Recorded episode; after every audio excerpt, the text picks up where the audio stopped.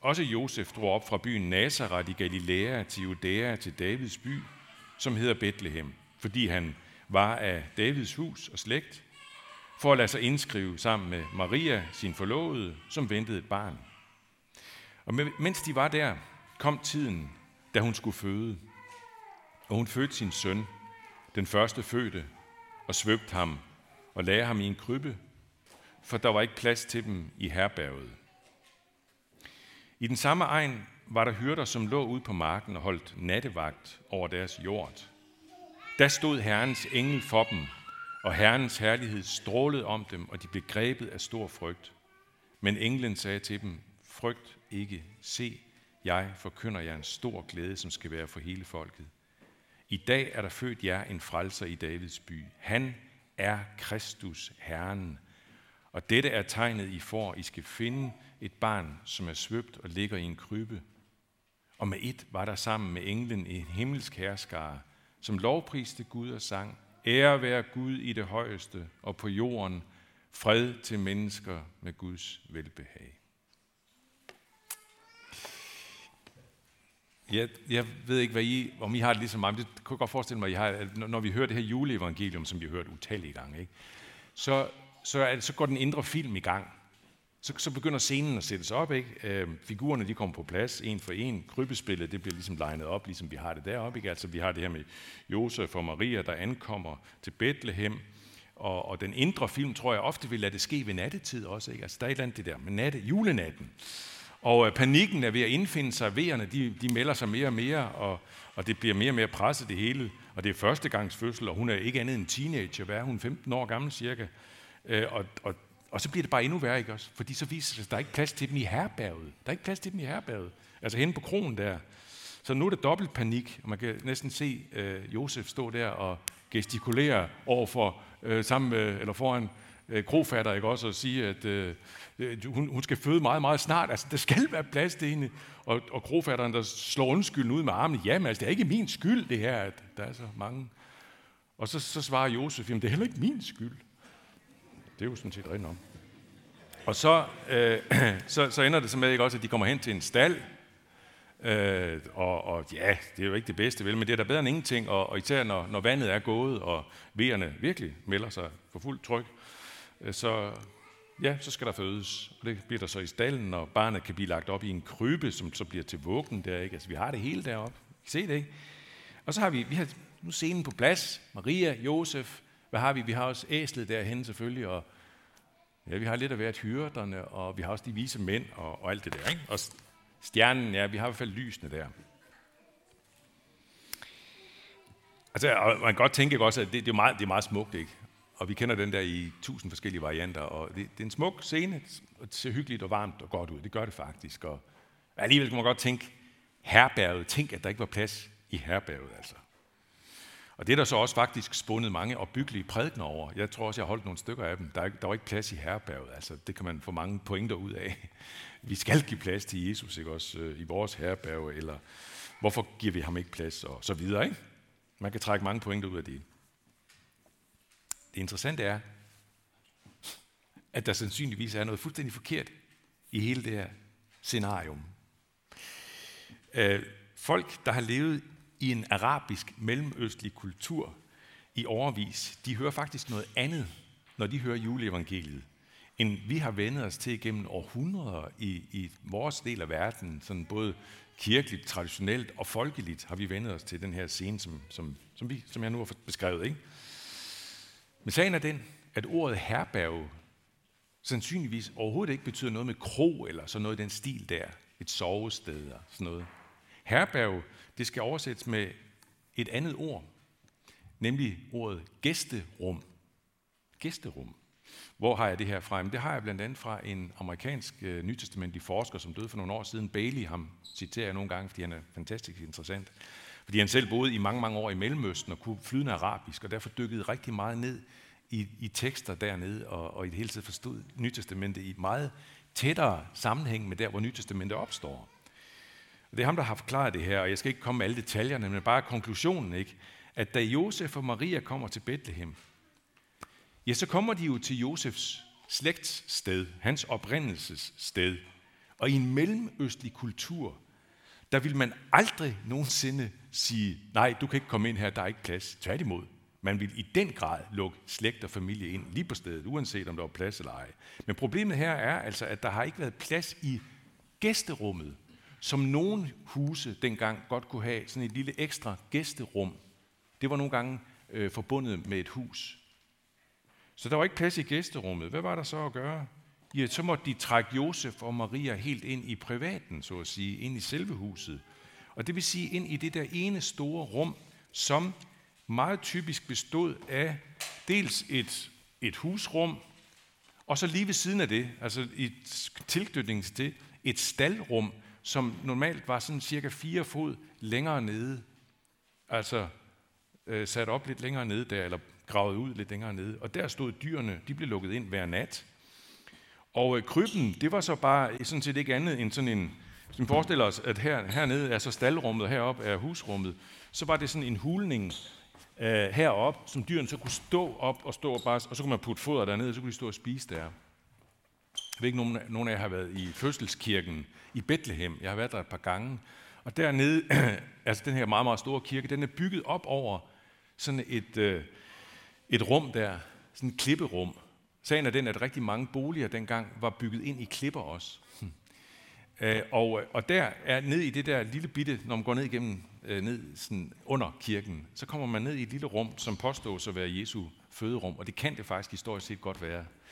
Øh, og der er der lige præcis sådan et, en hulning i sådan en, en lidt højere, øh, på et lidt højere plan, som har været krybben. Øhm, og så har vi altså fødselsscenen. Hvad har vi så? Så har vi det. Josef og Maria, de ankommer i relativt god tid før fødslen. Og det kan man også se i det, Lukas skriver. Han siger, og mens de var der, kom tiden, da hun skulle føde. Den sætning, den rummer jo, at de kommer der i, i okay tid før fødslen, og så sker det så, at hun skal føde. Og ved selve fødslen, ja, der har huset været fuldt af kvinder hen i staldenden. Mændene, de har siddet oppe i husenden og sidder og snakker om politik og penge, eller hvad de nu snakker om. Kort og godt, Davids slægt tog imod Jesus. Der var plads til ham. Hvad for en pointe skal vi så udlede af det? Hvad er det, hvad er det af betydning for os, det her? Ja, jeg tænker meget, meget enkelt om det. De tog imod Jesus. Almindelige mennesker tog imod universets konge, mens kejser Augustus og verdensmagten sad intet anende i kejserbyen Rom. Men hvad anede i øvrigt Jesus slægt om, hvad det her var for noget, det de tog imod? Hvad har de vidst der i Bethlehem om det? Ja, Josef og Maria, de vidste jo noget. Ikke? Altså, de havde jo haft engleoplevelse, englebesøg, som havde sagt meget, meget stærke ting. Men det er ikke særlig sandsynligt faktisk, at de har fortalt til, til, til deres familie. Det vil være næsten, altså det vil være for meget, ikke? For mærkeligt, for, for vildt, for ekstremt, næsten stødende, utroværdigt. Så det tror jeg ikke, de har. Ikke i første runde i hvert fald. Bethlehemsfolkene, de har ikke vist andet end, at, at øh, det her, det, nu skete det igen. Fødselens under, en ny verdensborger at komme til jorden. Det er altid stort. Så kommer hyrderne. Nu læste jeg ikke lige videre i teksten, hvis vi læser lidt videre, så kommer hyrderne jo efter, at englene har været hos dem. Så kommer de og begynder at fortælle ting og sager. Ikke? Og så begynder rygtet at sprede sig ud i landsbyen. Og Maria og Josef har måske så også fortalt, hvad de har oplevet med engle og det bliver endnu mere mærkeligt, da der så noget tid efter kommer nogle vise mænd, vise mænd, nogle, nogle mærkelige skikkelser over fra, fra Østen af, Irak, Iran, sådan noget der, kommer og begynder også at fortælle ting. Det bliver helt, helt, helt mærkeligt, ikke? Og rygtet spreder sig endnu mere ud i Bethlehem om, hvad det er for noget underligt noget, det her med det her barn. Men, når det kommer til stykket, hvor meget vidste Josef og Maria og hyrderne og de vise mænd og resten i Bethlehem. Hvor meget vidste de egentlig? Maria, hun har helt sikkert gispet efter vejret. Hun har været fuldstændig målløs, da englen møder hende. Og da den for eksempel siger sådan her, han skal være den højestes søn. Et barn i min mave skal være den højeste søn. Jeg forstår det næsten ikke. Eller da hyrderne hører det her, han er Kristus, Herren. Hvad? Ordet Herren, det bruges 6.150 gange i det gamle testamente om Gud, som en erstatning for Guds navne, som var så helligt, så det må man ikke bare sige. Det er det, som vi normalt oversætter med, eller siger med ordene Jave. Men det erstatter man med ordet Herren. Adonai, som det hedder på hebraisk. Herren. 6.150 gange om Gud selv. Hvordan kunne det siges om et barn? Han er Kristus, Herren. Kunne hyrderne rumme det her? Kunne de rumme forbindelsen mellem englenes ære være Gud i det højeste, og så det lille krybbebarn? Tja, man kan også stille det spørgsmål, kan vi rumme det? Kan vi rumme det? Vi kan jo godt sige det, ikke også? Og, og, og vi, vi kan godt ligesom sætte ord på det. Gud blev menneske. Det kan vi godt finde ud af at sige. Gud blev et lille barn. Ja, vi, øh, vi siger det. Vi tror til og med på det. Vi synger om det. Vi synger, synger om det i julesalme efter julesalme. Men fatter vi det? Kan vi rumme det? Jeg synes, svaret giver sig selv. Men vi skal heller ikke kunne rumme det. Vi kan godt tage imod barnet alligevel, selvom vi ikke kan rumme det. Vi kan godt tage imod julens hellige, ufattelige mysterium, at Gud blev menneske. Vi kan tage imod det som ganske almindelige hyrder, Bethlehems borgere. Vi kan være et velvilligt, indbydende Bethlehem, uden at behøve at fatte så meget af det. Vi kan være Maria og Josef, som formodentlig sidenhen er kommet i tvivl mange gange. Og stadigvæk kan vi godt være mennesker med Guds velbehag. Mennesker med Guds velbehag, det var et ret almindeligt udtryk på Jesu tid. Det var et udtryk for dem, der var udvalgt af Gud. Og hvad, hvad var det med det med at være udvalgt af Gud? Hvad var det for noget? Jo, det var dem, der altid ventede på Guds frelse, som længtes efter Guds frelse og tog imod den, når den kom. Det var dem, der var mennesker med Guds velbehag. Det er ikke svært at forestille sig, at Maria og Josef har kunnet tvivle. Prøv, prøv at tænke på, der går 30 år fra de her sådan, sidrende dage og uger i Bethlehem, til der for alvor sker noget stort igen, noget virkelig stort og mærkeligt, da Jesus træder frem som voksen og gør mærkelige ting, store ting.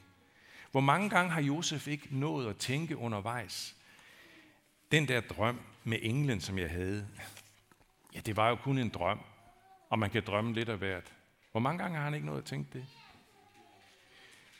Vi hører faktisk øh, om en episode, hvor, hvor Maria og Jesu brødre mener, at Jesus han er nødt til at blive talt til rette, han skal sættes på plads. Det hører vi om i evangelierne, fordi de, de synes, han har bevæget sig lidt ud på overdrevet. Ikke? Er det ikke tvivlen, der banker på der, faktisk? Han er Kristus Herren. Det er ikke til at rumme i sin fulde rækkevidde hele tiden. Vi har dage og øjeblikke af dyb tvivl, nogle af os. Andre dage kan troen strømme ud i sindets kroge, så himlen nærmest åbner sig for os. Og flest er måske de dage alligevel, hvor troen ikke er andet end det her, denne, hvad skal vi sige, viden om Jesus. Og det er ikke noget, der elektrificerer en. Det er der bare som sådan et livsgrundlag. Man bekender troen om søndagen i kirken næsten som en konstatering, som vi skal gøre det lige om et øjeblik. Og sådan må det godt have lov til at være for mennesker med Guds velbehag. Bethlehems borgere, hyrder, Maria og Josef, Aarhusianere. Den her vekslende følelse, som der kan være med troen i det samme sind, den vekslende følelse – Heller ikke i Bethlehem følte de alle sammen en dieren i sindet og i mellemgulvet over det der ubegribelige fødselsunder. Men de tog imod i al enkelhed. De gav ham plads i privaten. Vi skal bare gøre det samme. Lov, tak og evig ære være dig, hvor Gud, Far, Søn og Helligånd, som var, er og bliver en sand treenig Gud, højlovet fra første begyndelse, nu og i al evighed. Amen.